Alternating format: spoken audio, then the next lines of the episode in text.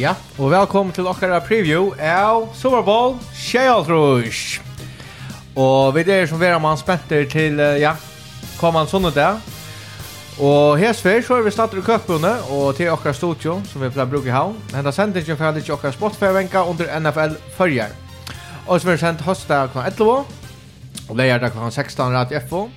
Sendingen kan også finnes av radio FO.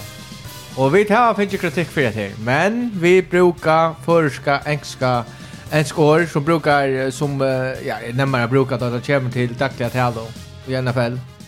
Vi er fyra manns som studio, til jeg og Peter Hansen, Axel Berg og Gestavers, Osvald av Marskanagille, og så kommer, ja, skal vi få takk han utsetta, Jøgnelfon, Sveitne Sendisjene. Men velkommen til denne her podvarsvinnen. og det som er avhåverst tid, det er det at ikke NFL, ikke Super Bowl, og det er mer. Så vi har en syndra mer smatching, og Axel, hva er det vi har finnet at uh, prøve? Ja, så det er noen rimsk stø som uh, kører Super Bowl-matcher. Jeg vet ikke hvordan spiller tid å halte, halte Super Bowl. Altså, jeg har tradisjonelt vært øyelig annet som gjør det selv, men... Uh, Så står så köpte vi med nu så. Så det alltså det är ju öde väl kan man säga för att det är sent om kvällen man förutom man är coacherna så sent ja, men, men det är för att säga man är nog start havne. Du jag vet inte några andra Ungen Ronavik, jeg hører Osvald, er det nærkere? Velkommen til, Anders. Jo, takk for det, takk for det. Er det i Klaksvøy, for jeg må sove på med nye Klaksvøy? Uh, jo, jeg var faktisk litt ordentlig, ja. Altså, vi ble i hvert fall alltid at uh, bare gjør det selv, det er så Men jag plejer inte så noen vimman och nekker at de kommer faktisk bara til det. Altså, Märten. Ja. Så det er, jeg hadde just det for för jag kunde fra en Parser allt og ja man då gjør det. Jag ser det är en lockande parster ofta när jag snö. Tja, det månar så vi ser över väster lockshar där så. Du just kill Kommer det en lat vara träd som som som inte hittar träd kan skopen kommer från Märten och gott nog men till när gimmich möjligheter. Eh burgar hade gärna också klassiker eller så men Det som vi skulle ta oss om, alltså, vi, vi har um, spårstas inte runt kvar det Super Bowl med nu i år och att för det som jag finner svär på så så har uh, pizza shades haps och landskrona några Super Bowl menyer som man kan kanna och där så tja. Och har varit ut. Vi sitter här vid en landskrona Super Bowl matchgra.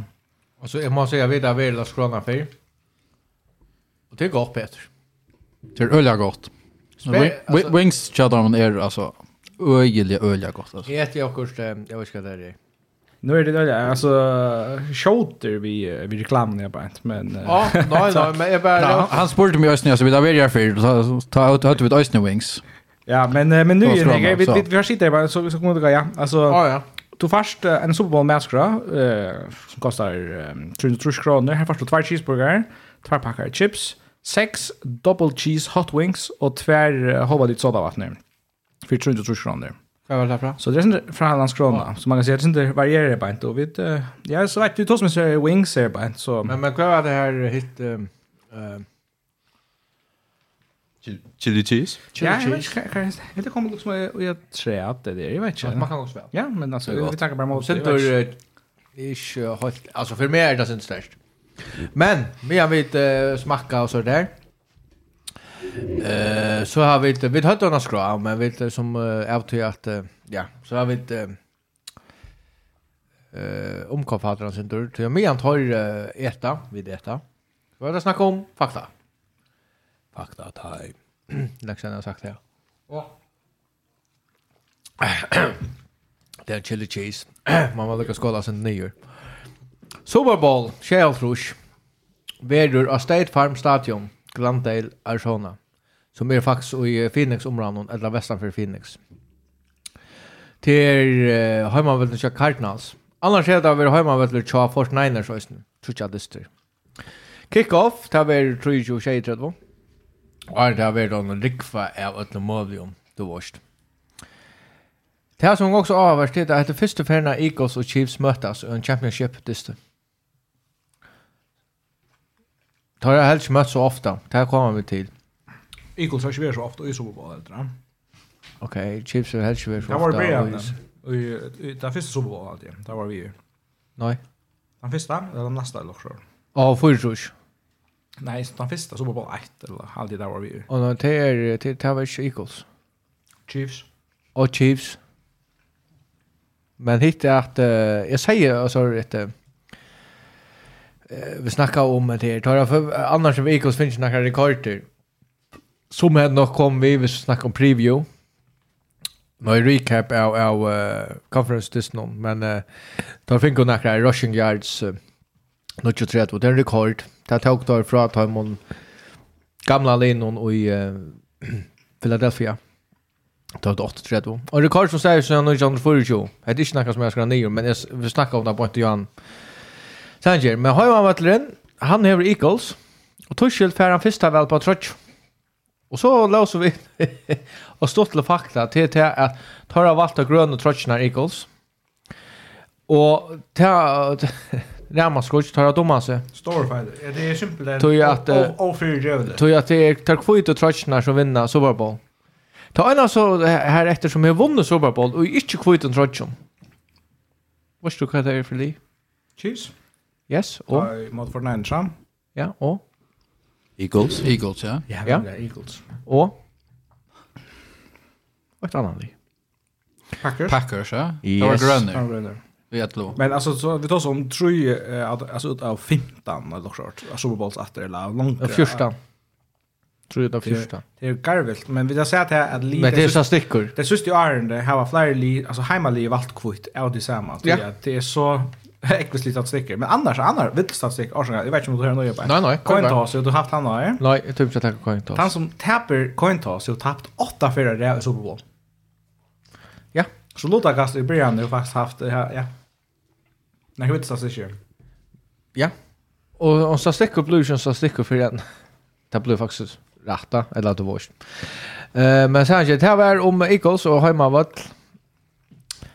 Stadion. Stadion State Farm tekur omlag 33.400. Kan vikas til 42.200, men vantast kan at det 48.600 til Super Bowl 23. Eh, ta, og ta det her en gang som meme om klappstøvler. det finnes ikke klappstøvler nå her i, i Phoenix. Tror jeg at uh, til, tar en av fylla stadion, State Farm opp. State Farm er annars um, ble tidlig bruk i 26, Og tar jeg langt haft fjer sova på Arjen. Det var vennestå til første. Åtta han er ikke. Um, 2004. 2008. Ja, det er en i 2004, Giants ja. Patriots. Og 2015 tar Patriots vinner av Seahawks. Det er det som er ved Arjen. Annars, uh, største avskatt til den sova på 2011, tar var tallet og 3000. Og allmenne billettpruseren, Så vi ser, hvis vi färre her, så kostar han åttan å få en, en, en sorry, VIP-box och drekka och mat och så där. Han ligger omlag 800 till 1100 dollar. Eller 5 og, 5, från 5 till 8000 kroner. Men det får oss nog ikke under 5000 dollar. 5600 er är nog... Second hand, Ja, Du att det var alla chapter upp på 40 är NFL som styr då och så är det också till till linjen som kommer och så men det är allt färg i arena. Eh tar boilar så han boilar spletten tar jag fonde här till är 35 000 kronor. Mial eh, billettprisen ligger av 9900 dollar som är omlag ja 8800 och 1,5 kronor. Till Mial billettprisen. Eh Super Bowl till er tar till en privat lika till som inte vet att det. Här får jag vinna omlag 102 000 dollar för jag vinna. Ett en miljon. Och till er alla spelare får en miljon pers och rosar. Så det går snacka pengar, premiepengar till Black ut till att uh, som man säger, det är inte fotbollstur. Uh, du har inte ett mass inne och men uh, ja. 102 000 dollar och med tappar ungefär 2 000 dollar. Eh uh, så går reklamer till också avavers. Och i år kostar 30 sekunder reklam och 6 miljoner dollar. Ettla i danska kronan 48 miljoner för 30 sekunder reklam. Ettla hvis du skal betala det per sekund så är det 1,6 miljoner kronor per sekund. Vantant intäkt er 545 miljoner. Ettla i förskon kronan 3 miljarder 250 miljoner.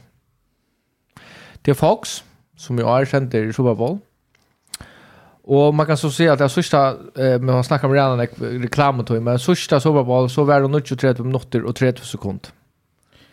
Eh annars är jag säger att här att eh, så så jag senaste 20 eh, 20 åren så är Super Bowl reklamprisen för upp 204 Du kan de där hitcha vi fjör hukte vi samman. Kan de där hitcha vid amerikanska versionen av först för du gjort det. Jo, jag har hukt för. Ja, där först för jag mer. Och kan de det helt var ordentligt gott. Ja. speciellt precis jag jag så reklam när var så eh där stod det där var det liksom där enske reklamnar och helt var ordentligt stort vid pregame och så som tycker kommentatorerna där. Jag har faktiskt bara huggit ett brukt Game Passa. Men grundligen är det är det att man kan köpa Game Pass till Super Bowl för 1 dollar eller för 95 cents. Så hvis man vill det så då så vi ju om 6 kronor. Alltså så Det är jag jag hade jag kan gott vimma det men tror inte några först för TV2 kör så ut och Ja, men det är också först när Fox har något team till Greg Olsen och jag vet inte Greg Olsen. Ja, Greg Olsen. Och han har faktiskt just det ju raskande gott halvt. Alltså fjör var det inte spänt på han och Bruno det, men halt faktiskt han han han visste vi redan gott talent, men det var nog en annan mer som vi kommentator nästa år till Fox. Nej.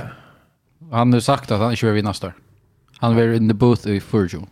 Okej, så han vill bara... Vi tar som Tom Brady, ja. Han vill stod, ja? Nej, jag tror han helt tjackna om. Men han vill ju okay. sagt han vill inte i in the booth förrän om ett år. Alltså han vill inte vi... Så han får spela? Han vill ha... Nej, så då jag så vill han ha sin tog att reflektera över... Löve och Löve om där och om det här 345 miljoner dollar när han fär för sin nästa touch iron arbete. Ja, ja, men alltså, han säger att han inte för göra det, han säger bara... Han får mera pengar till nästa 20 år arbetar för Fox än han har gjort alla sina spelkarriär. Annars vantar då annars också nu skrev de snack om Tom Brady att han nog sagt en trusch miljoner dollar av frasar ur lön till Patriots för att det ger plus till era spelare. Mm. Och jag kan mig för. Det tycker vi till hjälp dem till att få några som ringt. One of a kind, det är det. Men det här skulle inte handla om Tom Brady. Då ska vi ta så då vi alla vi gick med ner på ett. Kan jag kan se dit? Eh, gott. Ja, som jag börjar att säga Johan. Det är lite pizza innan från så. Nej, vi vi vi nu tar så vi om om om lucka tacka sig det. Hot wings ser du bättre. Ja, som säger Johan, hot wings när från Landskrona allt är det. Där är det väldigt gott. Man säger ju ofta heter skunda där morgon, så där vi höjtar. Det tar så att de kan, kan man plera Gerra hemma och kan man plera Gerra hemma och kan man kan köpa och så rätt men så hot wings ner till det här också några. Det kan säga liksom ett kus inte du är Gerra hemma. Så det här var så rätt så kan kalla man det så dipp och man har och så krummel och Här forskjelliga smaker, ja. Smakar det, ja. Ja, och det här var en sån här rimsk slök åt något. Ja, alltså en, en Hvis man får här att köpa. Ja, det är bra så därför. Alltså från Lars Krona? Nei, faktisk ikke. Og er positivt i Raskar faktisk, altså. Ja, det smakar faktisk bedre enn folk med Jerry, altså. Så det er rakta pizza. Jeg har ikke gjort i etter før, så. Alltså här var det mest över den norren då. Ja, det är snäll så hot wings är det som som som sätter där Lucas som ett alltså stöj för sig som ger till man och lätt tumrat alltså man går mot en sån där batskra alltså men burgaren är så isen att säga att som hövsmenyn är ja och man säger det en simpel eh, cheeseburger men alltså Ja, man överraskar säga att jag blir överraskad av sån här chili cheese eller det. Det största. Hur med? Jag tar mig inte vad största, men jag tar gott. Är det bra? Bra är det då? Ja, jag provar. Får gå en par stad, ja. Det smakar ju väl. Axel, bra är det? Ja. Visst du vill? Ja, får nästan. Alltså man kan gå och säga att man inte tar man dem. Jag hade menyn nog få in. Ja, det smakar väl. Dåliga simpel men... Så det är 500 kronor för två burkare och två chips och allt det där. Så på bara sånt, är det en sån shower? En sån här meny? Nej, hon tv två burgare det är nog inte klar. Resten är nog klara så en burgare. Ja, man kunde gott göra som en burgare och så hade vi sunnare ganska men det är vet. Det här är nog klara. Så vi ser gärna ordla gärna vill jag. Det är snällankor. Ja, ja, jag var klar då. Hot Wings och sådär, det hämtar bara sitta och äta av. Men ja, så jag vet inte, jag kan ta kvar att läsa nu, men inte kvar vi är fakta time, så får jag servera sån där av, av pizza till dig. Ja, men grej. Kan vara vid. Inte kvar. Ja, men grej. Till till två uh, nationalsanger. Det tjauar sanger. Vi stävde det ju bättre. Det är ja. allmänna och den är allmän. Ja, jag blir öliga förvirrad över minsta förra redan så skört. Jag faktiskt öliga fänga i det att boy, Ever Chosanger. Ja, men uh, Chris Stapleton, han är någon sorry. Uh, goer country uh, legenda som uh, tar sig alltid alla titlarna uh, så sankar har var klara och så men det är jag inte grad vet jag inte. Ut från Grammy. Men Chris Stapleton, uh, Chris Stapleton synker The Star Spangled Banner. Det Charles Chelsea Eh, men det är allmänna American the Beautiful, vi sjunker av eh Angie Minion Babyface. Och Rihanna hon var sjövlig eh, på tammatan att eh, hon är den första som får uppdraga till Apple Music Halftime Show. Twitter shift now. Från Pepsi? Yes, Pepsi har haft det att göra.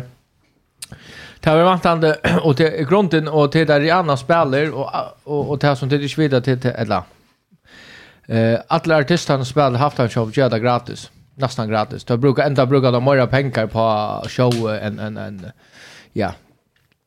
Toy. Det gjorde The Weeknd nämligen. Ja. Alltså han brukte så rädda en alltså en pengar. Ja.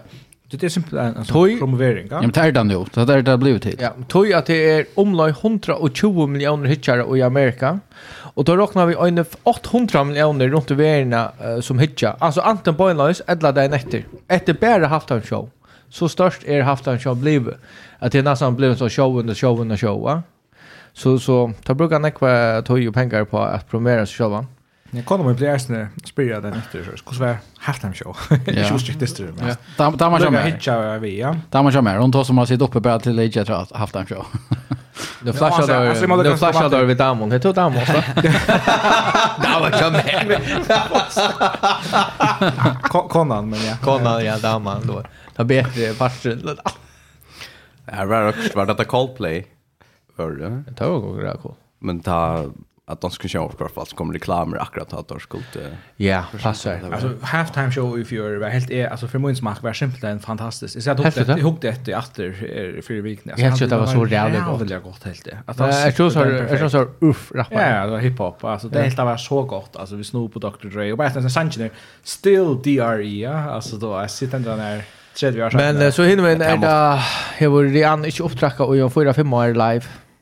Så det var spännande att veta vad hon kommer vi. Hon är akkurat uh, Øystein Forbes, där så har vi helt skrann nere, men hon är den yngste, visst inte den yngste eh att det är så biljonär, men uh, miljardingrun i dollar och i USA. Så har nice vi har sagt att uh, Mahomes är den bästa quarterbacken i nu. Ja, det säger bara jag vet inte vad det säger, Anders. Du får ha det så om 20 år. Men uh, annars så är det första ferien att våra botjar mötas som spelare och i en Super Bowl. Og det er ungen annar enn tight end, Tja Chiefs, Travis Kelsey, og centeren Jason Kelsey. Annars har vært for Butcher møtst og Jan Super Bowl, og det har vært for vänner. Har på Butcher der. Og det er ikke bare, altså, tvær, altså, det er tvær spelare som nok kommer i Hall of Fame bare tvær. Ja. Alltså Travis Kelce är kanske den bästa tiden där kan du. Jason Kelce är en ordentlig. Han är inte bäst. Han är inte den bästa i sig han. Travis men, men men Jason Kelce är nog en av de bästa i hisen atterlinon alltså. Jag jag, och Jason. Jag nu Jason Chamber i, i Hall of Fame. Ja, så är Jason Kelce den bästa i pass catching tight end. Jag hade Travis Kelce här ett argument. Kanske Gronkowski är där uppe vid men jag hade. Men Han flyter sig på samma sätt som Tror jag Kelsey, ja. Kelsey är fantastisk det har det men. Ja, jag tror det är bäst. Jag ser han är inte bäst. Han är en av dem. En av dem. Yes, okej, jag tar.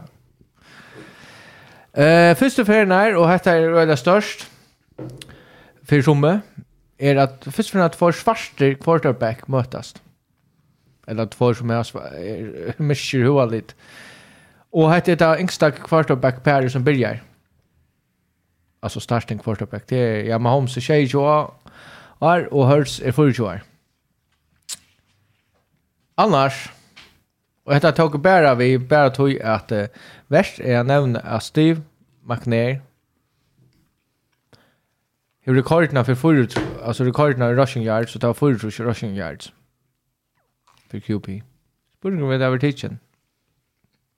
Du har hørt så ver, uh, han renner bare for godt år, og Mahomes, ja, jeg vet ikke, han synes skatter. Men sånn ikke, Hette er best tutsjende for at Chiefs og Eagles møtast.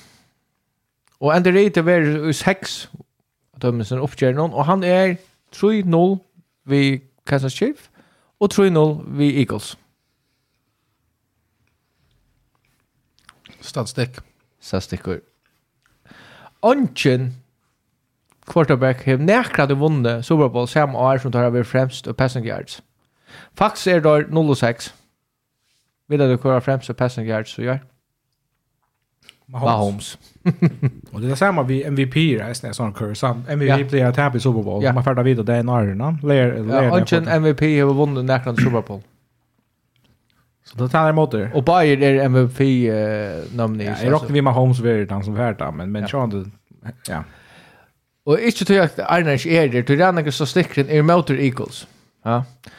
Eagles uh, løyvde minst passing yards i år, og har mest hacks.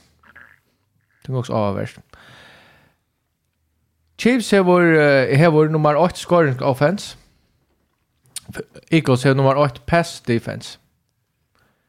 Det er å si, og i Super Bowl her er så sikkert han at top scoring offense er 0-4 i møte top pass defense. Så jeg kan jeg er så sikkert vi Eagles Ännu en affär. Också av vers vi är snär att vi i Ötlund vi man helt man har ett en annan jag mångt av bollen.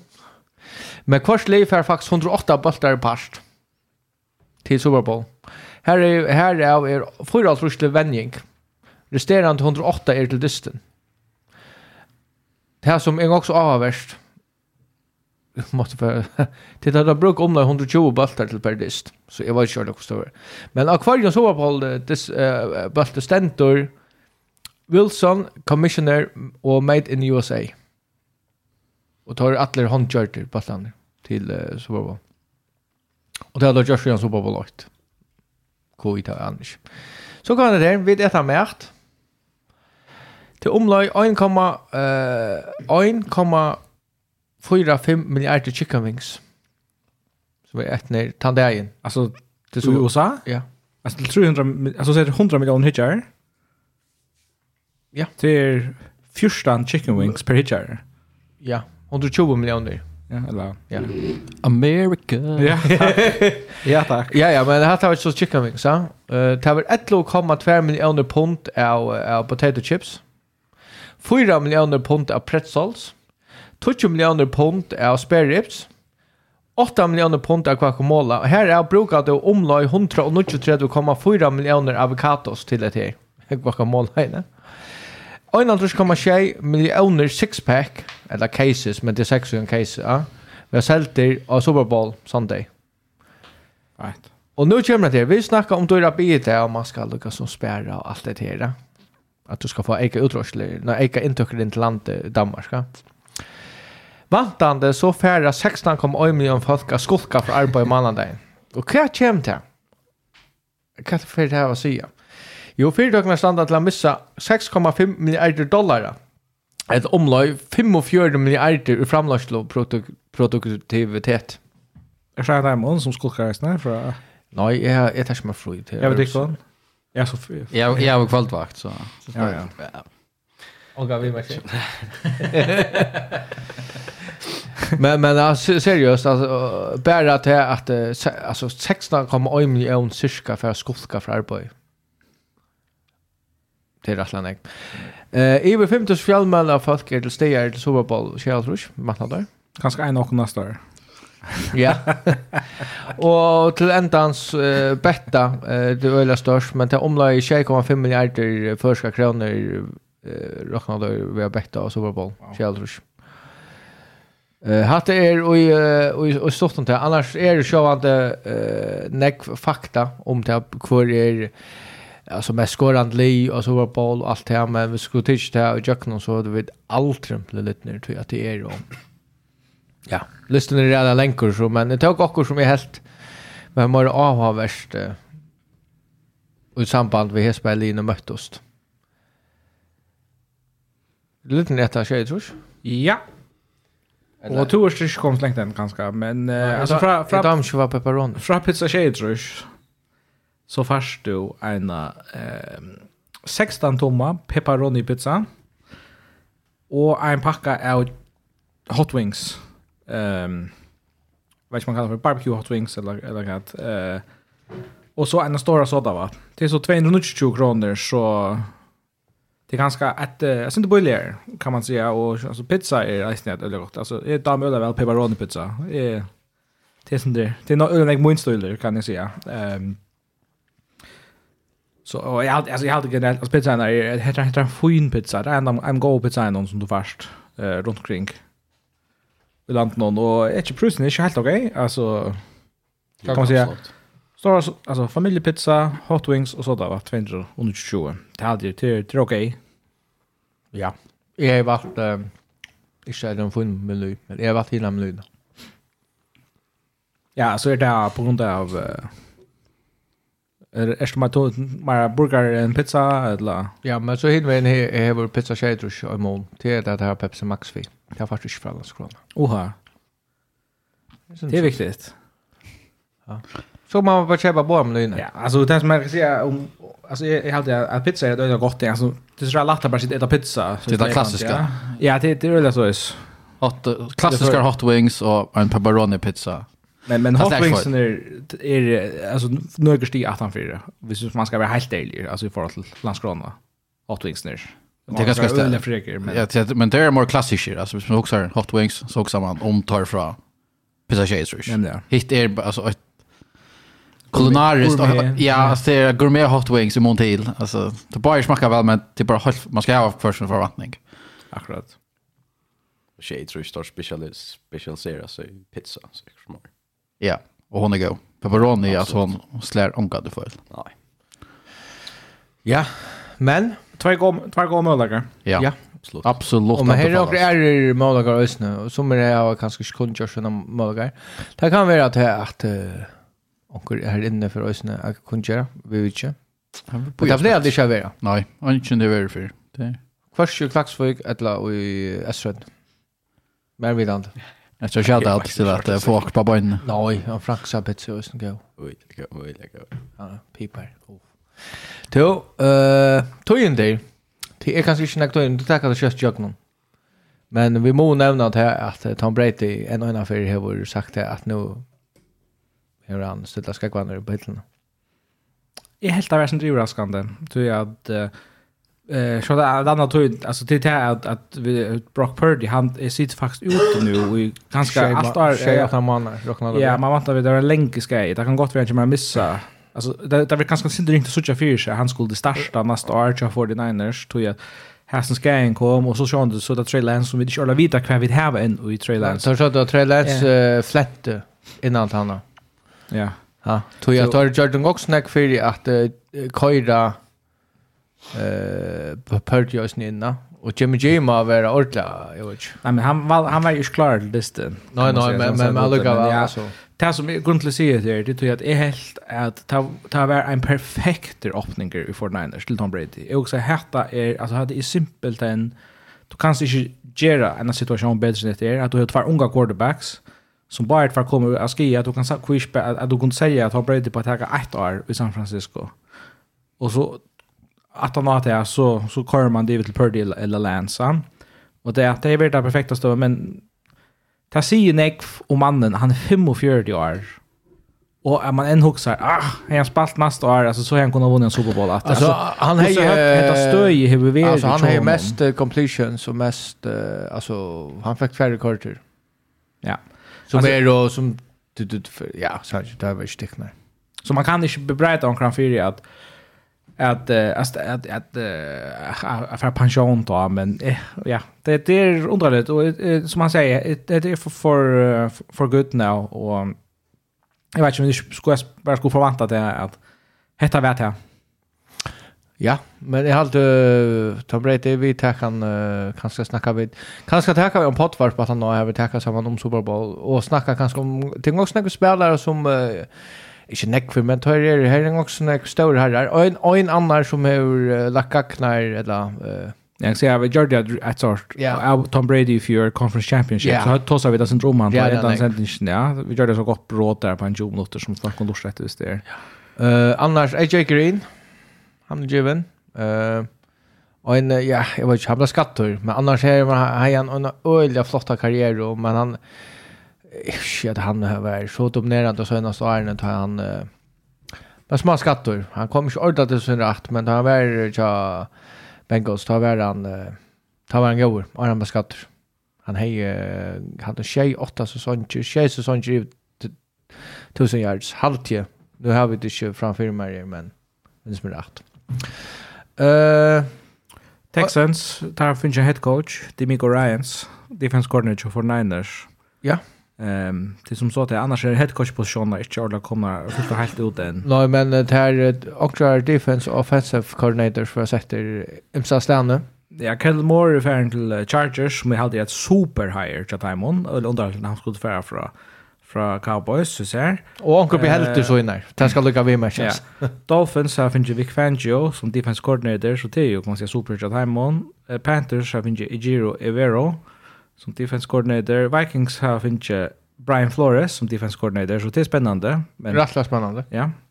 Eh, og for Niners har så finnes Steve Wilkes som så en defensive coordinator. Åh! Han har vært helt ikke om. Vi snackar om hva han får. Sean Payton. Ja, för hade vi vet inte vi nämnde det sen. Nej, det är kanske inte. Det gör vi. Vi sa det att han också avvärds om han för och kaffe pix han för tror jag han var fast att kontrakt. Han är färdig. Ja, passar. Och han är färdig rättliga dors. Ska vi se jag själv ska se det. Man skulle inte tro till att den var några picks efter. Men nu har de absolut inte picks efter. Du tar ju bara två picks, faktiskt tre picks fraser. Du tar ju bara första round och second round och second round kanske. Så nu har Denver Broncos givet tre first round picks, tre second round picks och några spelare för Russell Wilson och Sean Payton. Yes. Tror tror tror. Ja, alltså Russell Wilson trade gånger galle och nu brukar du Myra på en bjärka att jag vill få en coach in som du hoppas kan fixa Russell Wilson. Ja. Och det är eh, två är vänner som har fått first round picks. Bill Belichick. Yes. Han var han fick han blev tradad från från Jets ja. till Patriots. Men det gick skönt. Ja, och men shit han tre, men det var också någon som brukar överleva. Så Sean det alltså det dårs men Sean Payton är en av time vänner någon som är en ordentlig ordentlig ordla god vänner. Ja, men Goffer Goffer sen sen för nu i gott nog är det jag vet inte kaffe picks vi där det ja. Men att det är så då picks det är så länge. Men men han är där väldigt om man också säger alltså så du kunde sätta andra vänner eller gratis är det inte men men men alltså jag tar att göra pick sam. Det är nog det värst vis vis där Rickard vi har sanerat på inte några. Annars tack alla så så tog någon till er att er kar är färden till tar som har störst problem med lönen. Han färden till Saints att snacka efter. Der kar har också en avhavare soffman lika som Rodgers har en också avhavare soffman vi uh, Green Bay. Eh Månaden är kanske att Rodgers är bättre dömd i Green Bay än Kar är dömd i Oakland eller kanske Kar damar inte så väl Raiders långt.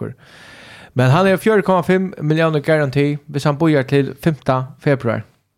Och han hever uh, till han också avhavare han kan uh, ge veto till era trade att han har 5 Ja, ta bestämmer man akkurat själv vad för. Man vill Raiders ett lag för akkurat sen Raiders är inte så. Och han garanterar 4 miljoner, 4,5 miljoner. Så Raiders är faktiskt strong scout till att få han veck. Ja, det verkar bara så alldeles det att rapporterna säger att att Raiders är omgående att så så känner han uppfylla en trade än. Ja, men sen det låg där då Betchan. Ja. Då tar Betchan ta i två distrikter och en. Ja, det är som jag att det gör en mining att är så oaktiva att röna söka söka om en om en trade. Fyra mannen tar då standard att missa såna. Ja. Men det var så spännande kvar karfer och det var också spännande kvar Atlas quarterback kvar då att vi att Tom Brady Jeffs så er det inte bara en quarterback Men av marsjen någon så er det också något leg som manglar en quarterback. Och det är et leg som ikke er jeg sier ikke vanlig, Alltså, det er helt ikke. Ja, samma gjør, det kommer til å kunne ære. Men alltså... men, men, grinn, alltså... Tampa Bay Buccaneers manglar en goan quarterback til Lucas som her vid er. Øysne. Men uh, vi tar finnes en gest, Axel. Og en gesta verst. Osvald og Marsangill. Så er spørningen, hvor er Osvald her? Størsta grunden er til det, han er øyne av Tvaimon, ikke fan i før gjort barn. Nå. Hva kan vi... Ja, du må fortelle som du ser om det også. Når, når blir det ikke NFL, og, og hvor, hvor heldt du vi Eagles av en Leon?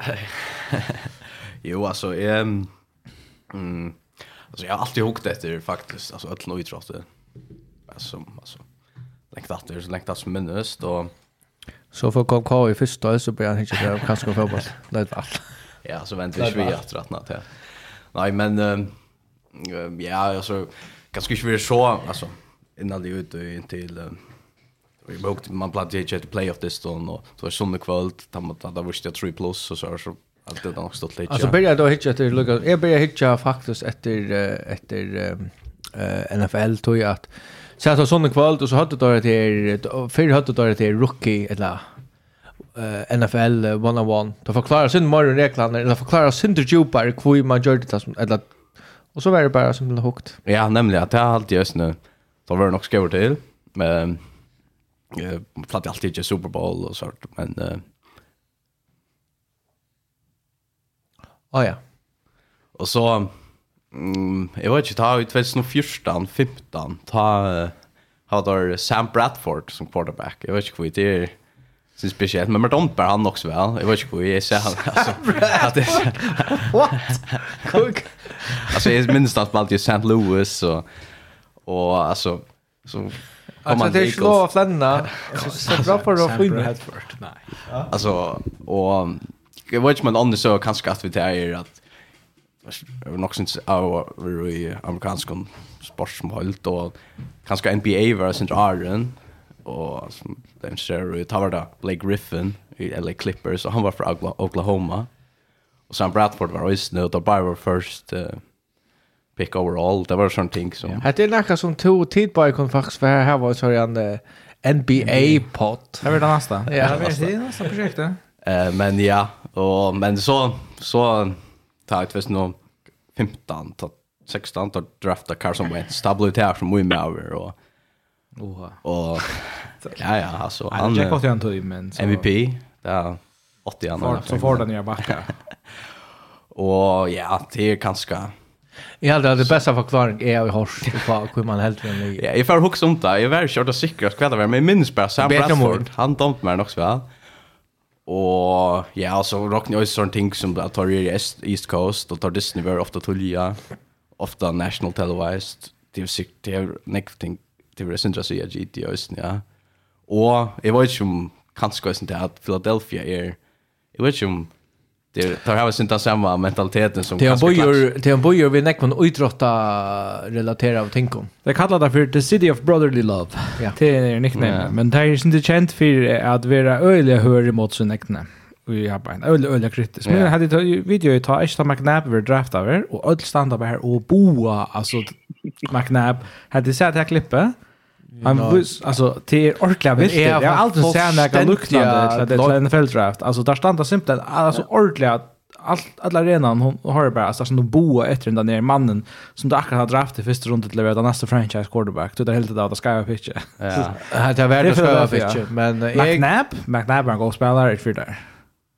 Ja. Ja, men han har fem conference championships var han. Jag är faktiskt glömt han. Han går med. Ja. Ja, hei! Hei, Kai. Jeg mener at jeg mener at at Eagles for John will have one shot at la Vad var shot? Eller Ricky Williams, running back, and han vill ju också ha en annan spelare. Eh och det som du säger Axel, det är en en fanbase som är extremt lojal men som eller skött och som kan vänta. Eh Men jag är väldigt kött till att um, jag kommer man säga över här uh, och till konkurrensen och det kanske spelar som helst. Alltså det det är inte så lätt att det står till att komma till för att spela ordentligt. Det är kostar frukt för. Det är ganska det samma alltså jag vet inte om man kan relatera sig inte till det här vi är från Klaxvik. Alltså eh rockvitt. Alltså Louis Center nu. Ja ja. Alltså det är totalt för mig där. Ja, Kai. Kai har köpt en lastbilsbil. Boo. Och det var ju sin så att Jalen Hurts blev draftad över till alltså. Ja.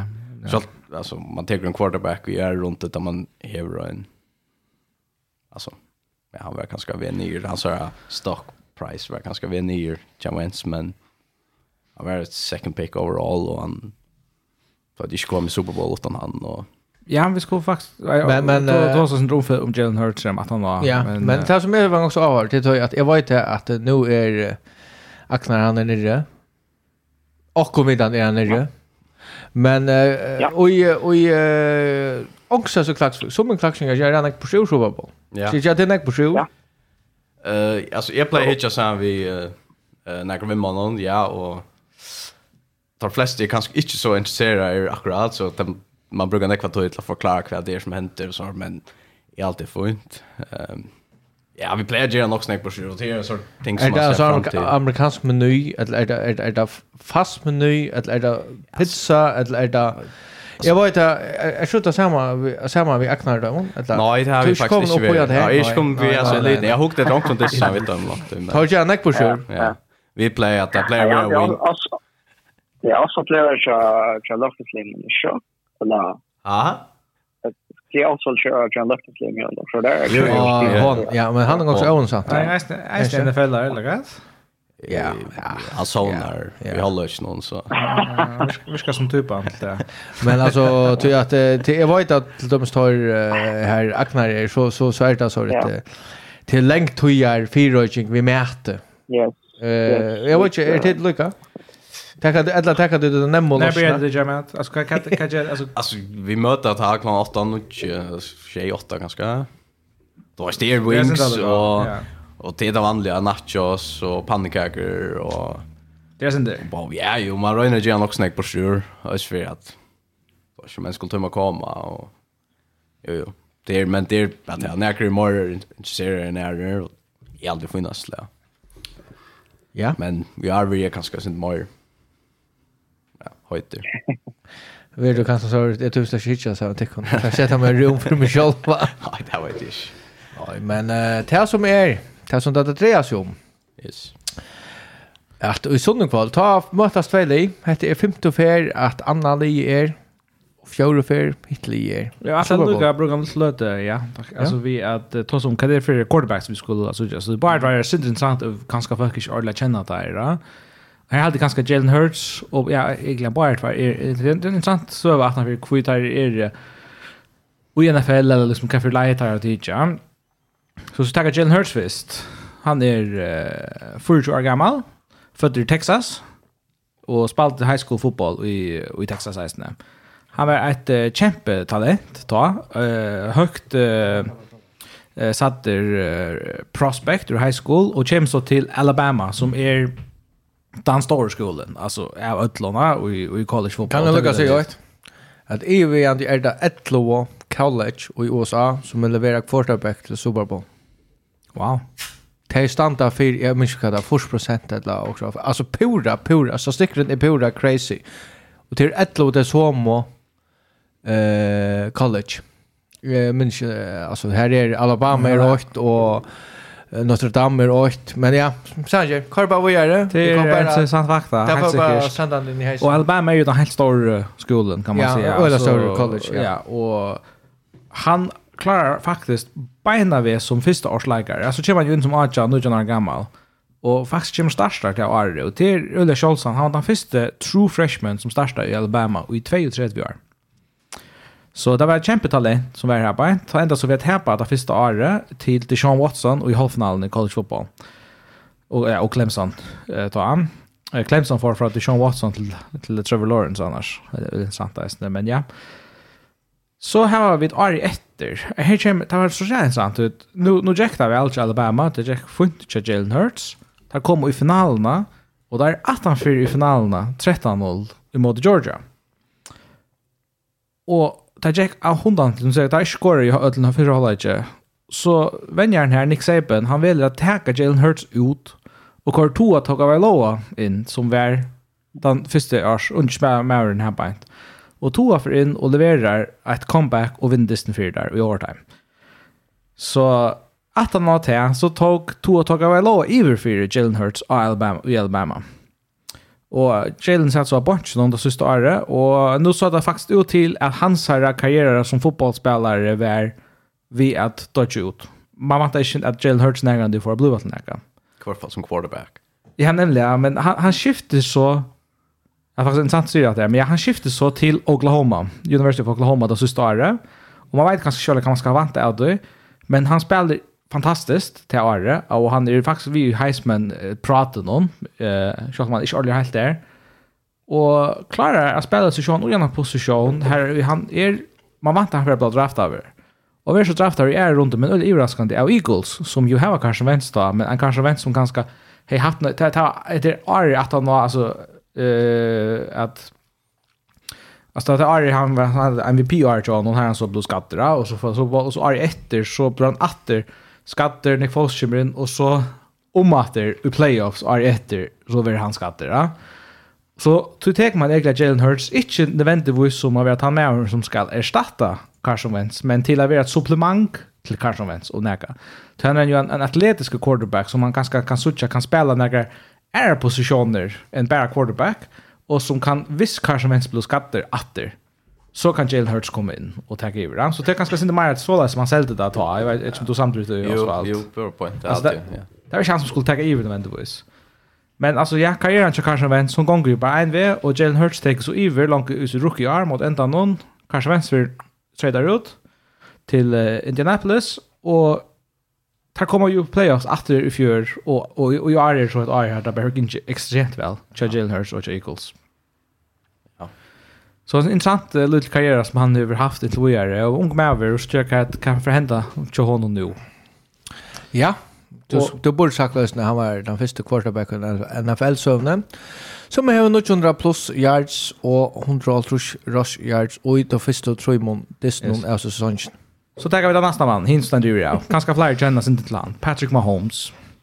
Superstjärnan. Eh, Adam Ödlund nu i NFL nu. Säljer nog ta i ta Brady i given, så kanske det är den nästa ordentlige superstjärnan i NFL. Så Patrick Mahomes, eisen från Texas, spalte baseball. Det är faktiskt här han, eh, eller han är soner en baseballspelare och sånt eh och han själv spalta och det det kanske några också nog så stort lik kosten som kommer fram men ja Eh uh, er ikkje det helt stora high school talentet på samma måte, men men ja, kommer så over til Texas Tech som ikkje er altså det er en Division 1 college, men det er ikkje ein super størst college som er känt för at uh, at vera uh, att vera det var som där som få en rikve av, av uh, quarterbacks i NFL på samma måte som under. Och han säger att han var ikke Davis Webb av et månaderna och, og, men så i man sa nästa år och tre år vi är så blir det gänga helt väl til honom. Eh och han man ser at han er mer som er det men han vil ikke satt det som heter super talent alltså super number one overall pick hette han Maveren som kommer att att ivetega NFL som man väntar ja. Han var draftad över Seichan som nummer 2 pick i draften någon. Og ta halt jeg at ja, Mitchell Trubisky nemnde bare draftar Arn han til Arn, ja. Så hade det varit sånt Iva sant, okej okay, kat kat häver man upp Patrick Mahomes. Du han är ju rått talent men han manglar ganska sin av coaching uh, och ja, abla pekar rätta vägen. Men uh, det var nog så överraskande till att, att Kansas City Chiefs att Lindot här hade ju Alex Smith alltså en linje. Och han hade ju vunnit en, en flera år är här på ett vi alltså sen divisionerna men var går det en nästa steg. Tar trade alltså upp för att få Patrick Mahomes. Men Patrick Mahomes sitter av bunch såna att för Alex Smith alltid första året och Alex Smith spelar egentligen fint. Men man var väl klar på att Patrick Mahomes skulle ta över för Alex Smith. Och han gör det långt det första året som startare är ett av de bästa quarterback-åren om vi det behöver han i NFL. Alltså här är han blir MVP, kanske kasta för 5000 yards så och tror touchdowns eller short alltså är helt extremt goer och Champions Conference Championship tabby overtime mot Tom Brady och Patriots. Eh Ari efter vinner där Super Bowl. Ari efter efter Super Bowl fjör Conference Championship. Alltså helt simpelt bara dominera NFL så han tog som startar i Japan. Så till karriären känns inte överraskande. Han skulle bli så goer men han har från det ett så han tog över för Alex Smith vidare Och i munnen är den bästa quarterbacken i NFL. Så det här quarterbacken kommer hit efter, söndagen. Skulle du bli över i showdessinär? Skulle vi få ta som, som ja. där? Ter, vi nämner lika kvui att Heslina ta hött vi tar hött och väckna när vi skiftar inte att recap. Det att Eagles tar stranda i Super Bowl finalen att han har vunnit hela 31 tjej av 49ers. Eh och det står som var en näckmatcher av att Brock Purdy blev skatter i första spelet eh till så där. Och Josh Johnson blev skatter. Så det hade en quarterback. Och ja, och till onkel spelare blev sportur. Kostar väl spela. Det var Ja, jag hade att svär vi tog här var quarterback. Hur var det att spela vi McCaffrey som quarterback? Hur var det? Det var så det var Brock Purdy var inne men han han kunde kasta ordentligt. Så där var sån en antiklimatisk klimatisk dyster att att inte sucha där alltså Brock Purdy äventyr släppa att spela ordentligt av eller så så vi var vi ordentligt. Vi vant av och så en tattare dyst men Javier det att Eagles eh ja tar halva av faktiskt försnänar sig och sätter Himmelska rekorder ut i tog någon fyra rushing touchdowns og det hade ett ja, altså alltså var öliga gåvor och sin defense. Det kan man helst tacka välja med gå och Eagles andra distan. Det kan man inte tacka från dem. Ja, tar standa så State Farm nu till Super Bowl. Tar möta Kansas Chief som spalte en också uh, väl sagt underhållande med Bengals. Här uh, Bengals kunde vissa stå väl till uh, har vunnit den dysten, hade Malagan. Det som uh, vi har ju vi får inte att ha recap av sån dysten men det som också har värst och tar världen så sticker av den var att dysten här Burrow var schackar minni en fem fair vannan och han var schackar akkurat fem så han var ivert her, det som tar snacka om. Eh för första och andra kvarstår var öle avkänt halt i är Eh här är halvt att Varjan Chiefs spalte faktiskt öliga väl. Varjan Chiefs spalte eh ikke ut i hva man har vanta.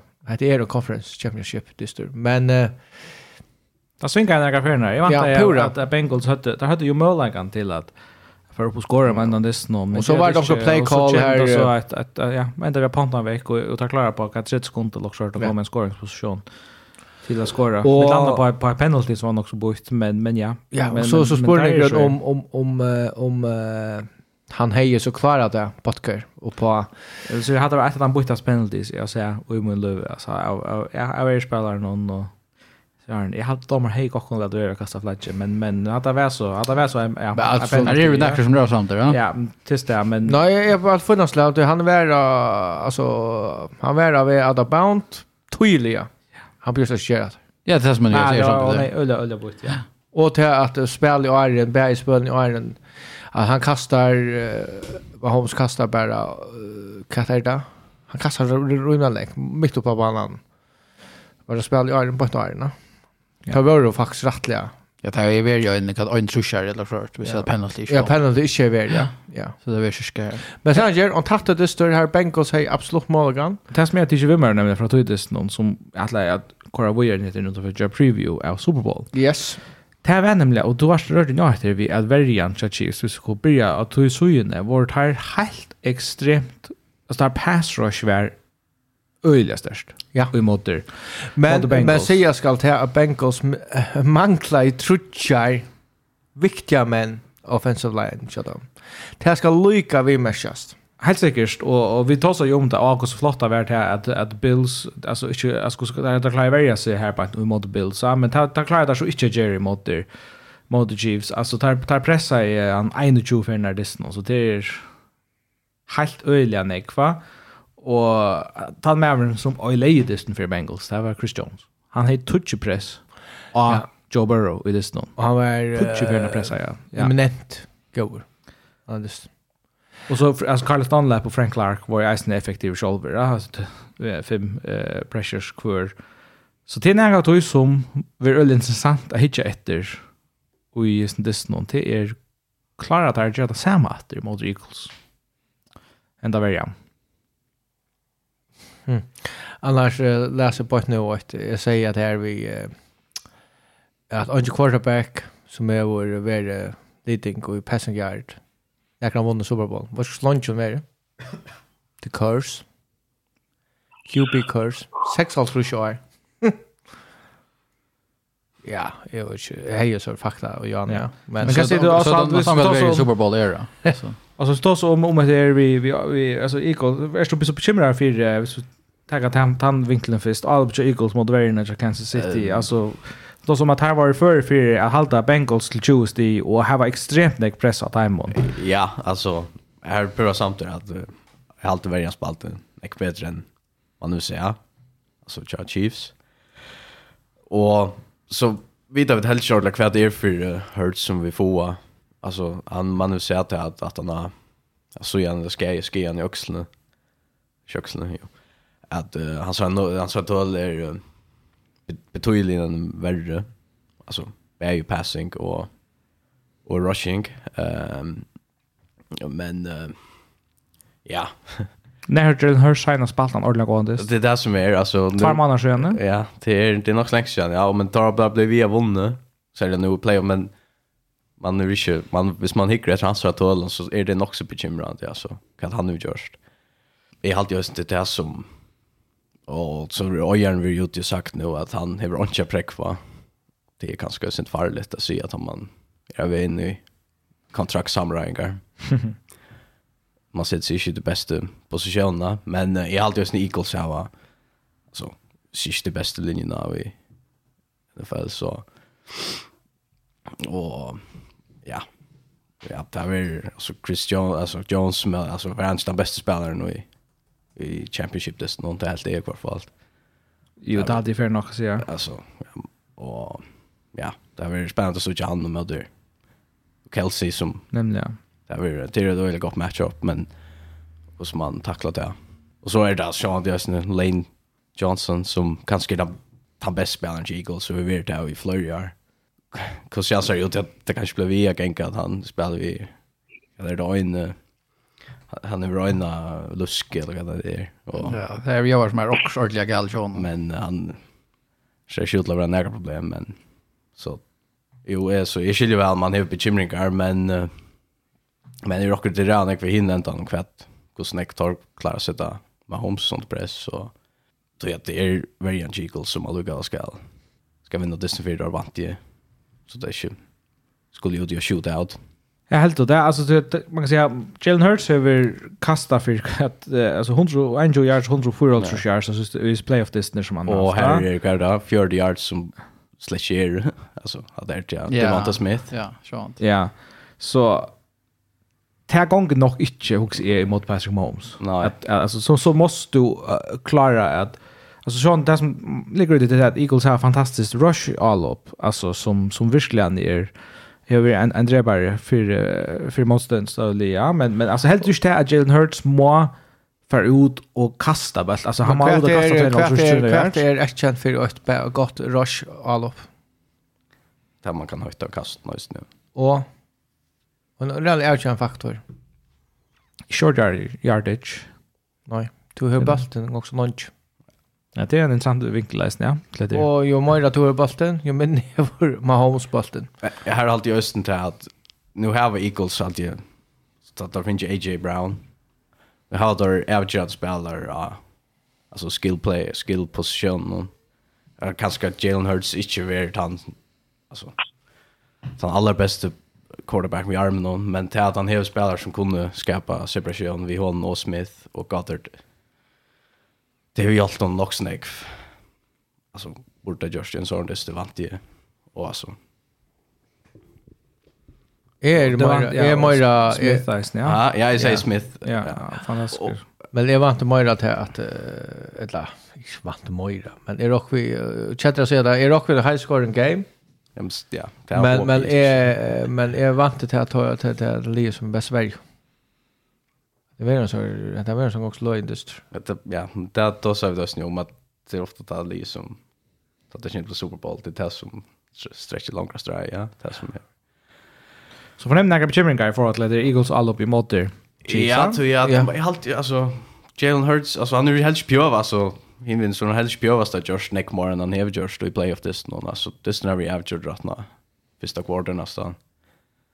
Och jag har alltid just man kan tacka väntas på vägar att tar kanske köpa på pjås att öppna sina playbooks så real jag nej alltså inte visa så real jag men hinvin är då kanske inte blir en testare lugan jag som Chiefs är det här. Till nog det här som jag i är en ulla stor leachelösning, jag blev att säga det, alltså att Eagles hava inte mött någon gång liv i år. Alltså det här var det virkelig inte. Här, här kom det alltså. Ja, jag vill säga. Säger ju Arjen att han måste komma här och försvära Eagles. Så jag vet att du inte är så pene vi Eagles. Det här vet inte, nej. Alltså, och kvart är, så när du möter där så, Fortniners, vi tröttar senast, men så knappt så har den som quarterbacken jag vet någon. Eh, alltså, kvart andra li, alltså som det här mötte jag är, är i playoffs egentligen, det är kan Jaguars tar fumblat Trevor Lawrence Button 5 för när du är någon. Ja, Vikings i prime time och så har där tror jag det mot Giants som vi kanske ta oss minne om men eh tar här var ju inte varit testar ordentligt och tant det här mot Cowboys det hade Cooper Rush på quarterback. Så det är inte sporta Cooper Rush. Nej nej nej. Men och inte den tar vi Jalen Hurts så vi kör va.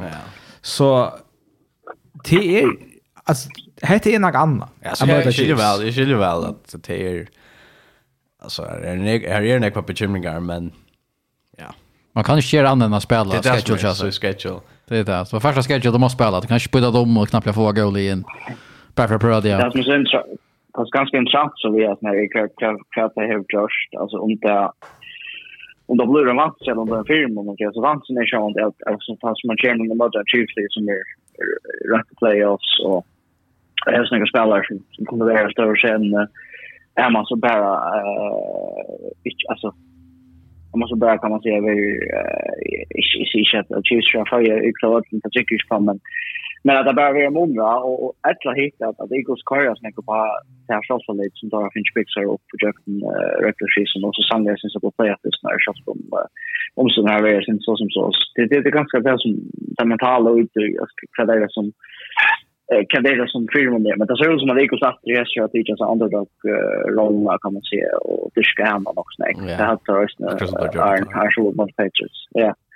Eh så öljen så men men jag har aldrig, aldrig syns det att det är alltså jag har aldrig vi man kan lägga tusch på den kampen för alla som sagt. Okej så det fick oss är helt alltså så ren det tar så ut som att det som som verkligen alltså man tror runt av på den Super Bowl eh tror jag att han nämligen kanske kreera en större test som på här på stället ja. Det är mycket som Francisco för den här i hur bara ser ut vad det är när konferensen som och vi har quarterback sound quarterback på den där för den så är man kan man snacka om och klandra men Akkurat. Men det är ju man har också en kalender så det är ju så det är bara spårningen på den här Super Bowl.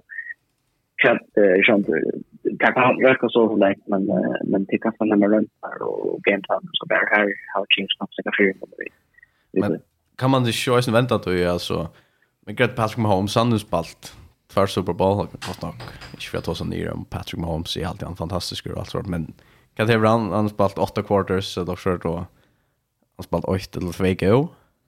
Ja. Alltså. Ja. Ja, så jag alltid jag hade själv att det fjärde kortet med att så shit touch måste när för att vinna San Francisco för Niners var en öliga år. Eh Alltså så gå ett transfer standard också ju nu. Ja, ja, akkurat. Och tack med alla de kommer mycket gång som minst så har så att så vart just 20 ja. Och möter möter Buccaneers här kan man ganska försvara så sen vi han han han måste ränna för lönen och säga att det är just någon eh och att där kan man se cheers om går det fick av men det är det är alltid gott poäng alltså att att Patrick Mahomes men i halde jag lukar i halde inte för att försvara han för men i halde också det suchat här Östen som större quarterback som har start Super Bowl. Det är inte att ta alltid spela så av fyra quarters. Det är bara ta visstrim kan och ska ligga upp på hemma så kvaliteten är det. Vi ser Roethlisberger och Josh Taffy. Vi såg Brady så har Josh ofta. Och så vi ser med Holmes och ja, illa mening alltså det är inte mer så så kallt som illa mening nästan som som är så spassar då bort. Jag tror du fast han alltid in Emma. Ja, men ja, men snyggt sagt alltså sneaky. Han han han levererar det där bara inte alltså. Ja. Ja, det var man säger så där kasta jag han man snackar om att kasta till kasta till territory där där territory ofta men att kasta till mer mening att vi sökte så Bowl med Patriots är ju fenomenalt kast. kast som ger Aljan Driver. Men hade nämnt det som, som ger en större så Och så det där Jalen Hurts, en quarterback som, som inte har gått för mot det som ger armen hur Josh Taylor första veckan. Klarar som ger en Super Bowl så kan man bara ta hatt med för honom. Men äh, det är Eagles som som jag alltid har framtiden framför sig. Det är på om, om till nu att ha det klara. Men alltså, Ska vi vända vi och se att det lägger eller vart ska se bara Arna? Ja, allt som jag har om kanske inte får snacka om det så om alla det men det är jävligt intressant att det är ett coaching matchup. Alltså det är att det här var som som att att eller right coaching staff så säljer vi Andrew och vi ändå med Spagnolo och men som människorna där i Stone för Chiefs och så tar coaching staff just jävligt som skulle lucka när det runt det och så tar Andrew spel med han var ju head coach Chaffle da Eagles eh ut till när man snackar om om knäpp och sånt. Han var fem conference championships och en Super Bowl och vann play jag kan köra vinna Super Bowl Eagles faktiskt section och grar. Eh att man så skulle det var conference championship och så igen byggt upp öppna som nytt dynasti och Chiefs så det är en höll intressant match. Det var så länge som man säger att Andy Reid vinner Super Bowl här men så börjar han att narskast en av alltså samtalen är av er mellan där bästa vänner i Nägrand i NFL att han alltså som tycker att han gör det och Alltså alltså han Jag skulle tänka check conference championships i hans fast nu är det Tutcher. Tutcher. Garvet. Det är tre, eller stan nummer tre. Det var Belichick som framför. I samma med att listan den där. Eh men det går så extremt uh, imponerande och och är det att att Chiefs kan Chiefs där han kommer Chiefs var ju la ju att på CFC väst alltid där är han kommer och säger är han kommer och han var han var nästan ja snackar om att han var bor och bor utifrån där för att eh alltså när skor eh så men kat kat helt och legion ner till dömes Osvald sitter och är spänter. Men kan Leichelin köra Ikos att vinna? Alltså jag vill säga till att för att vinna en Super Bowl så ska du nästan alltid vara före fyra att göra ett game winning drive. Alltså det är så att alltså att och ta skalten nämligen ut att kasta bollen och, och flytta bollen om ett. Det gjorde Eagles senast vid Nick Foles där vunnit tar jag säger Jan. Fjör Matt Stafford vi såg han göra det. Alltså det är det är ett ting som så du må kunna i perioden att det någon kunna kasta bollen konsekvent om man efter av någon och flytta han. Men självande, du ser alltså rennespel, visst här kunna renna Chiefs och i hel och halta time av någon och halta då flytta flytta bulten och, fly, och flytta klockorna. Alltså så så är det här ett kämpestörst vapen. Men, men jag vill säga att det mest intressanta vi hittar efter hur går är där luften. Men annars är det för att men vi, vi skulle färra tippa till. Och nu har jag funnit en stick fram. Så det är också det är två li som man ska leta hot förbi lunch och man finner två så jämnli. Chiefs är 16 och 3.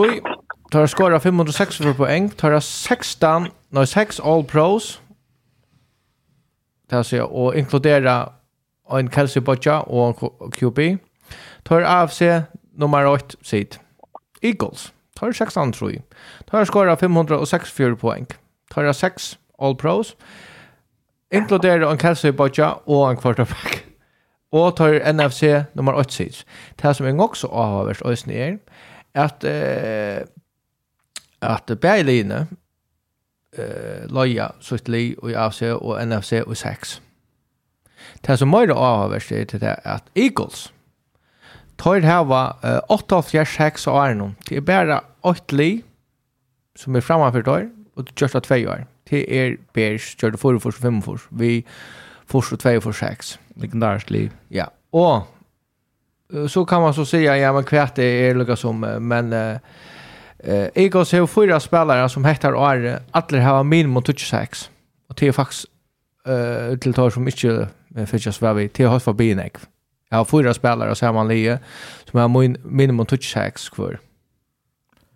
Så, vi så har du klarat att spela upp till sitt bästa och tar pounta och en Mahomes som är små skatter han är inte han är helt mobiler det ska också minnas till jag vet inte om han är helt skrev för men han ränner inte lika näck som utan så att senaste play han rann är för halslumpande men det var så rätt. där eh mästerskapsspel han offrade sig men eh, men alltså vi har kallat ju om att det är eh varian, alltså defensive line, Chiefs om att klar för att klara lägga distan tja Eagles va. Ja, omvänt. Men men alltså man kan gott nog att stå som där i his men är på inte. Det är alltid att att defense alltså hon är är Lichland. Ja, hon är öjlig till Eagles. Vi, vi, vi har bara lagt för att glömma det. Ta vid och snacka om att Eagles har haft så lagt program. Vi, vi, vi, vi har ångat snacka om att värjan till Eagles är fantastisk. Men hon är behöver producera några tål som är ju faktiskt rättligt avhavert har vi snackar i om i NFL regime i behöver. Ja, alltså vi snackar play of this nu. Alltså tar vi lätt ju distant för för Giants. Alltså där fullständigt on the pass rusher där i Petton. Och hon då som att där quarterback blev skatter, men ska minnas till kvitt där blev skatter. Det här vet du ju att där alltså blev knallar ner, alltså är hus väldigt väldigt ner. Väldigt spännande. Så där blev skatter. Alltså det var ett ja, en grund till det. Tror jag att det in till där ja? och och tar man ner en quarterback vi har en och ankle alltså. Det är maverska. Schalt man det Patrick Mahomes. Och det är det som är så vi såg Mahomes vera mer immobiler än han plerar vera och Mahomes är ju en av de som är damer öde väl att rotla ut. Men han gjorde det och i noen fall om Petterna dessutom tog han var nøyder til det til till sist ta rann han så Nå er det så tvär veckor så nå må måste jag att det er såna økelig, Eh, men det tycker vi inte på öklen 100%. Det tycker stadigt att det är Mahomes som gärna vill stanna i lomman någon och som gärna vill släppa kött av stäv i bulten någon. Mm. Och men alltså han är, han var ju så i moder mot Cincinnati. Han var för fyra kasta djupt. Det var sånt här vi då sa ju mest om det. Då sa omta för det att att bära till John honom. ta klarar han så. Eh men ja, det var öliga öliga intressant att söka och det som vi hade med landa är öliga ver ver spännande här på. Det var om Eagles skulle ta för att för att blitza med Holmes eller för att bara låta sin pass rusher för ett rond och att och i blitzen någon är Holmes faktiskt öjligen stärker. Han var helt helt öjlig yeah. mot Bengals i blitzen någon. Och ta han tappade sin Super Bowl senast mot Buccaneers. Vi tar ju som vi var i nu. Ta var det ju tog att han blev simpelthen så svaglig han inte press över. Alltså, han blev pressad över 5-3% av hans dropbacks. Och det var bara, alltså det har blivit så bara 12% av färden om det någon. Så där kommer vi vara press och det det där så det är lite generellt i alla fall så det kan få press och en quarterback vid den fyra pass rusharen. Så är det otroligt truppel att spela emot det. Men så gärna han den Super Bowl här på. 4-2 när så gärna där tappade så har han gjort øyla stora investeringar i sin offensiva linje. Eh, Chiefs, Og tog standa där här på en enn. Vi er så snill innom, tog att tar, tar offensive line inn ekstra skar. Og så får vi vente at du sier, men hvor er Mahomes, et lag Chiefs, kan vinna? Det tror jag att uh, kanske Eagles har omgående mött och någon lige, och jag är och tar formatet som Chiefs är. Det här som er vi... Ja, Ja, og akkurat vi tog spør, altså, jag vet inte man kan säga det kanske mer anfall än det här men mot Chiefs skulle vinna. Men att Chiefs har den bästa spelaren i NFL. Att för här den bästa quarterbacken i NFL och eh för här den bästa tajten i NFL. Så här var kanske ta och ta ta alla bästa offensive spelaren som är ju i NFL alltså eh och ta här steg i sån storm för eh och det är kanske det anfall så är på hur Chiefs kan vinna listan. Eh Eh och så kommer vi finna några gånger kunde kanske inte vinna bussen eh och det är ganska fast med där. Vi är ju joke nu och det kanske mer än chans det men men det är gick att jag sen stitch just det där på som är det det rum om ju moms på den gång this och och ska säga Charles Kelsey couch just på den just en this och och ska säga det vad det är till max ska tälla. Tar kommer till att max tälle. Till till att Patrick Mahomes man flyttar bulten mer än 320 yards. Det tycker jag är Ja, ja tog att Dysten er tar hava vært under 320 yards, Eagles hadde vunnet. Tar 12-0. Og jeg helt sa passing linjen John var nu alls noen var 252. Ja, så det er men alltså vi tar nämnt Travis Kelce. Han ska alltså Travis Kelce Er, Hartmann, Hartmann är skattor. Han får jag vet inte reserva. Det är det jag skulle säga. Alltså, vi tar inte Travis Kelce. Men det är Travis Kelce. Det är kvön ska han kasta till. Ja. Så jag designar statist. Ta för uh, Trutchevers, alltså ta för Kat Jojo Smith Schuster ut, Kat Stoney och Michael Hartman ut. Hartman är så ute. Men det ser ut till att Kadarius Tony och Juju tar vantande vara klara. Och tar aktivera av en uh, Clyde Edwards där. Ja. Ja, han har running back. Ja, så det är själv vår I wide receiver for injury reserve så kommer han running back, ja. Clyde Edwards där. Ja, han blev aktiverad men han tog att han själv vår Hartman. Hartman. Ja, han blev. Och Clyde säger att han var klar. Sean ska han säga det. Alltså, det är frukans Super Bowl. Sean är han klar, ja. Men... Om man ska renna ögonen på en. Ja. Men Kelsey är en sån mäver som och i dubbeltid alltså och Redson och så är han tar här en fantastisk kemi där bara. Alltså han häver han Mahomes stod så där väl att läsa av Kat Kelsey ska göra för det faktiskt är sant intressant att söka och där Jag har hört när det tar så ont an som att prata vid här att, att att Kelsey han sänder någon signaler vid axeln i förhållande till från V han färnast och så och så alltså han då så otroligt väl att finna finna Kelsey ja. Och ja. Tan kombinationen här bara. Hon kan gott drepa Eagles utan när jag löten av distan. Så faktiskt eh kan han har som på timmar vi kvar affär. Pascal med för att drepa Eagles för så inte klara. Stash drepa. Ja. Stash drepa det så. Nej, vi stash klara få pressa Mahomes ja. Där rockar vi. Och det är eh I was secondary. Kanske. Jag vet inte vad han gör. Vaskar upp när det vart Eh men ja. Men det är ganska in vi skulle ändå hinna sina bollen och det var det var det så att igen med Christian Stone men men det är ju en annorlunda mat kan man säga att Kansas City Chiefs ska hantera eller få pressa i kostyp Jan Hutch är en som har mobil quarterback och kan ge mig mer Biden. Men så tar eh Spagnuolo och Warren Johnson är är outbjörkare än Eagles för en över. Ehm och här är jeg faktisk minnes ikke ordene Super Bowl. Kanskje at Colin Kaepernick spalte her i øynene til en quarterback.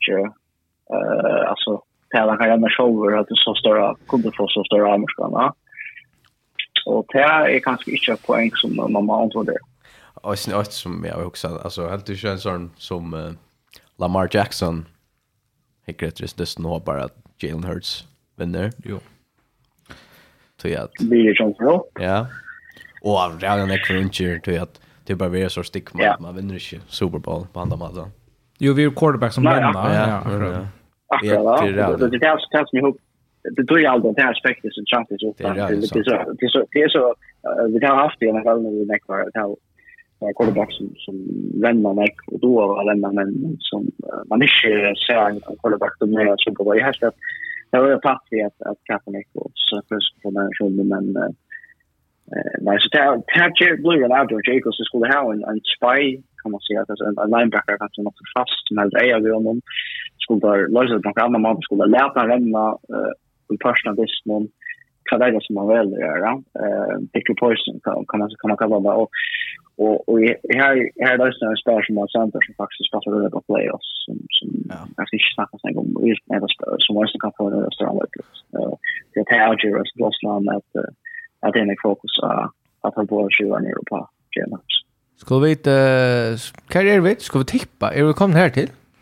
Ett la, ett la... Distrin Reventor... Alltså han var ju in så. Man kan vänta han flera stjärnor men men det hade vi vi kunde ja. Hej Arnar Berger så han kunde kanske försvära Chiefs uh, sin Moira. Och inte några pjösa försvära då. För halta det är för riktigt jag bokmängaren någon. Ta Chiefs Eagles vi är en konfirm. En sak kommer femma. Sen driver jag kan det men ja. Och då till det kan jag kan. Nej, det är ganska tog att Eagles alltid är rättliga skeja för. Det var ju nära kanske inte det näkran. Så Så sällan skeja mån till att Tar hava nekra. Det är bara bättre li, alltså. Hvis du bare ikke spiller for spillere. Jo, jeg har alltid statmessig, jeg har alltid der er på andre måten. Men så... Jo, så tenker alle, ja, du kan faktisk tenke alle posisjonsgruppene. Du kan ta hvis du tenker pass catcher, så har det godt å argumentere for Eagles at det er bedre. Ja. Så ikke tenke det, men så tenker alle gruppene. Mm Running backs, defensive line, offensive line, secondary, alltså att ta er ganska bättre alla ständes utan quarterback. Mm. Ja, och det är säkert mest att se. Men det är Patrick Mahomes som ställer in männen. Så hvis du tänker topp 20 spelare och i distan så är Eagles tjej. Ja, nämligen. Vant det. Skulle bara visa det. Eller vad? Jo, alltså jag är ju en öliga gången chans av en annan distan. Alltså en öliga tasse distan är tippa. Man har inte öliga så det är inte bara kanske kvant ställa det mesta på av alltså är det alltså rushing till Eagles är det Mahomes du ställer mest på eller Mahomes och Kelsey ganska ett är det en offensiv linje du ställer mest på eller är det en secondary channel linon till andra på att du vantar av av linon och så? Ja, men ska vi fara, hvis vi välja, men så ska vi kunna göra kvui kanske. Och mig antid för att huxa kvui. Jag var ju bara en med över void kvui. Så säger Brandon Ayuk, Arjen, säger han till att uh, om den här dysten att uh, att han räknar vi att Kansas Chief för att vinna. Du tar upp pass game för att visa kan vi helt och vi förra vi var då alltså vi att alla visa men är inte hänt ju också skäl det jag kunde så jag måste vi att tar Brock på för att vi ska. Så tar hade en gameplan som tar sig ankra väglökar och ja. Och det här var så pass game Chiefs som eller tørra pass game skulle göra det samma som pass game som chief för att göra vi Eagles. Jag får jag sända bollen. Jag vet inte hur jag ska börja. Ska vi börja vid Aknar? Aknar? Ja. Cheers väl. Ja, allt som jag också också om upp till Super Bowl. Det är faktiskt kul mer att tävla. Det är alltid faktiskt en fiskbullar lägga det bara men bara för har stått alltså det Chiefs är ju sina tre Super Bowl på fem år tar vi fem AFC Championship. Spurningen är så långt i helt ändå alltså klara bara vi vi är uppskrift med att köra, Akoya är med lite tredje bästa linje i AFC kvarstar. Det har varit inte att förvärra att lära med hans kontrakt men men spurningen är att skulle lunch vi ändå vid var andra skulle lunch vi är vi i vi är också på den nationella head coaching job? När Brighton sätter Elias in där när eh konsulter chat har bara till eh och, och kan få talent att passa samman så är det annex spelare är det nog skulle det ha alltså det man så ser att chips issue vinner så hon en Super Bowl och det är i fem AFC Championship så. Och det så blir det blösen statistiskt så att ha varit när vi flyr fair men tar han faktiskt bara om det innan ja. Eh och Eagles. Alltså är är sån för jag har sagt att så är vi out men så out men eh och att men jag tänker så lägger det lägga så är framtiden spännande där men det är spännande när blir en serie som största jag där. Så jag håller på alla som passar kör. Eh och när kvar chat eh för San Francisco vi en en bättre eller mer stabil och väl quarterback att att det är största jag har nästa med landa. Eh Så kvar det må jeg ta på just nere, jeg det ikke at han spiller seg ikke alene som ferdig i Super Bowl, men sälja och vi i hoen til Kansas City spiller sin til att at at trusje stadig er løsene på en on Men jeg det bara att att just om at Philadelphia Eagles her er sin størskere spiller av flere showman så är det för en ekstra mer som teller til Chiefs, det særlig er særlig bare talentet til at han alla bør til at det her var den beste quarterbacken, og at det her et coaching staff som, som er størst. Og, så tror jeg at vi skal sette noen penger, så har jeg sett at kanskje det Chiefs, og jeg vant at jeg vinner alle det innenfor øynene skåring. Jeg, jeg tror jeg sikker at Eagles klarer at Jerry et eller annet tatt på Super Bowl. Uh, og det er sikkert ikke at Eagles kan vinne men jeg har det mer som penger enn Chiefs. Så du valgte för jag startera då? Kansas i Kansas City Chiefs innan för en scoring uh, och Patrick Mahomes för MVP. Okej. Okay. Så blackar vi till uh, bara bollen till uh, Peter. Peter ser också klar ut. Ja, det är avslappnat över. Nej, alltså.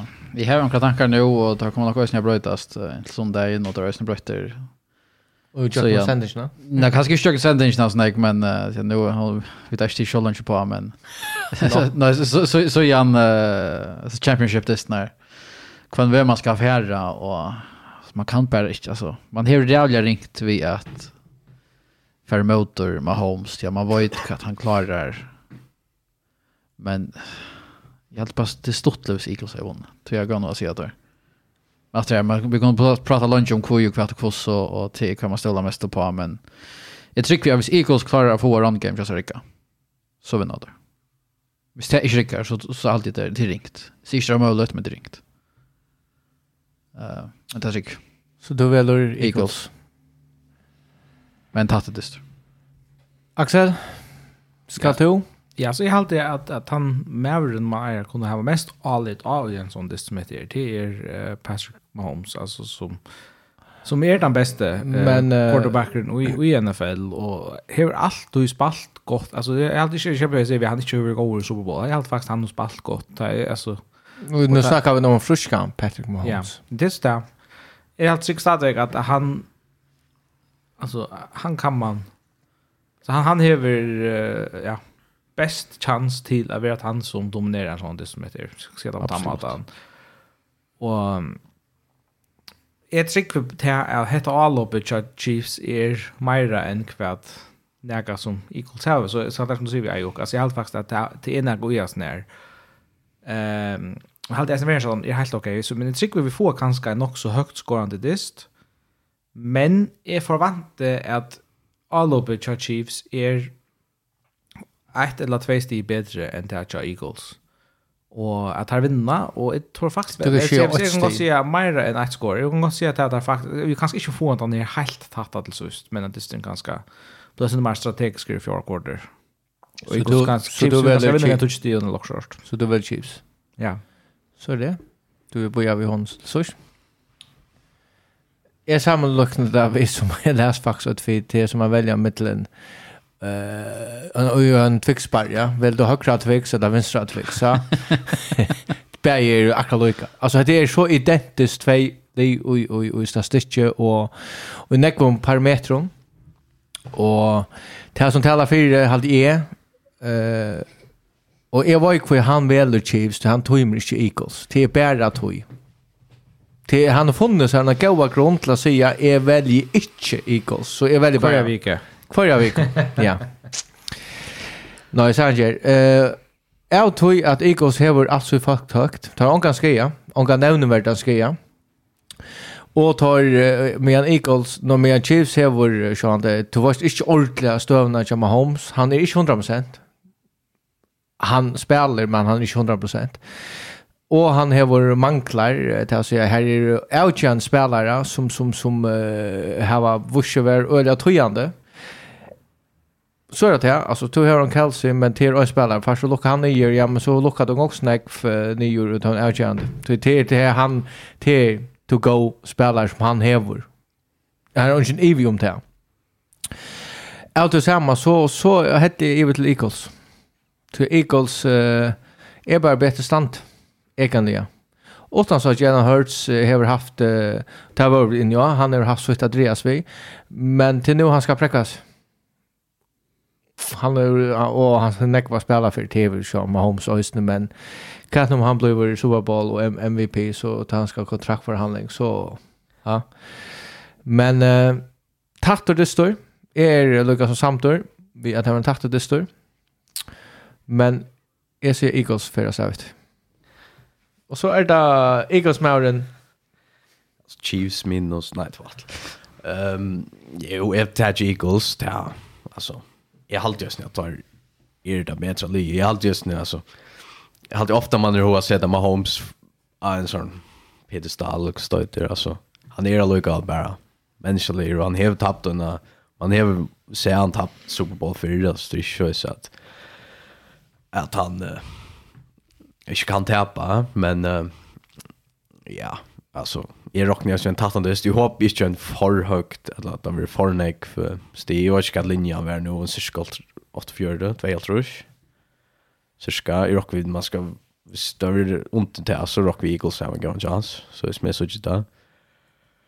Og ja, Jalen Hurts, han må, han må prekva, altså, han hever tinka prekva selv om, og jeg kan skulle sagt han ikke hever.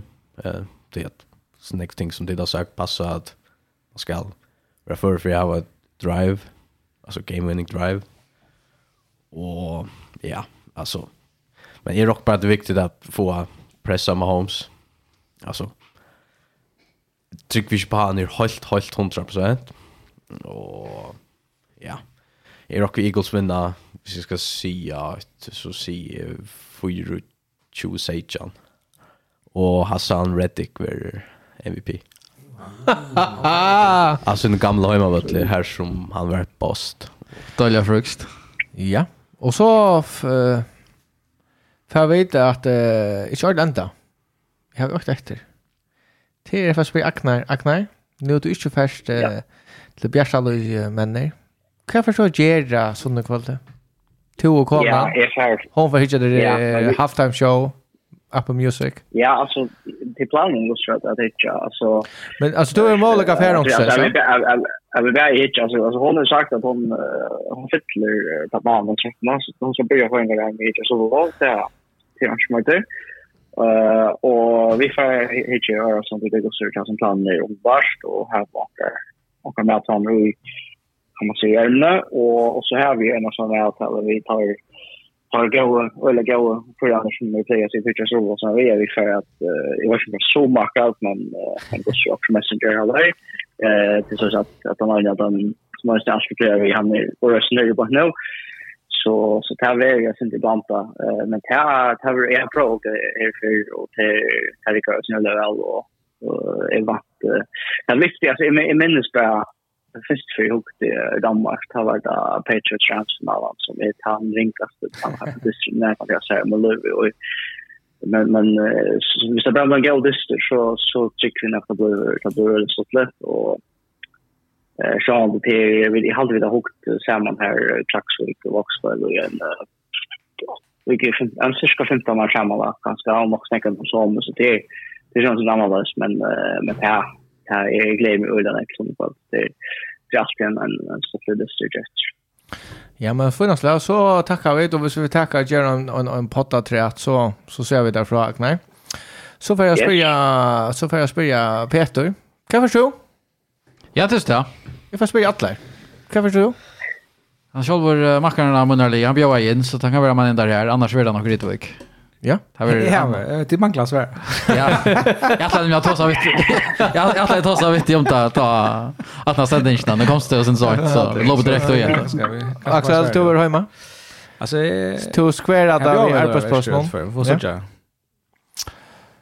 Og så får vi et uh, asfalt. Ja, nu sett mig sen under on the spot. Vi har faktiskt inte gjort planer än, så där var igång till att göra. Du kan tugga ringa till han själv, man.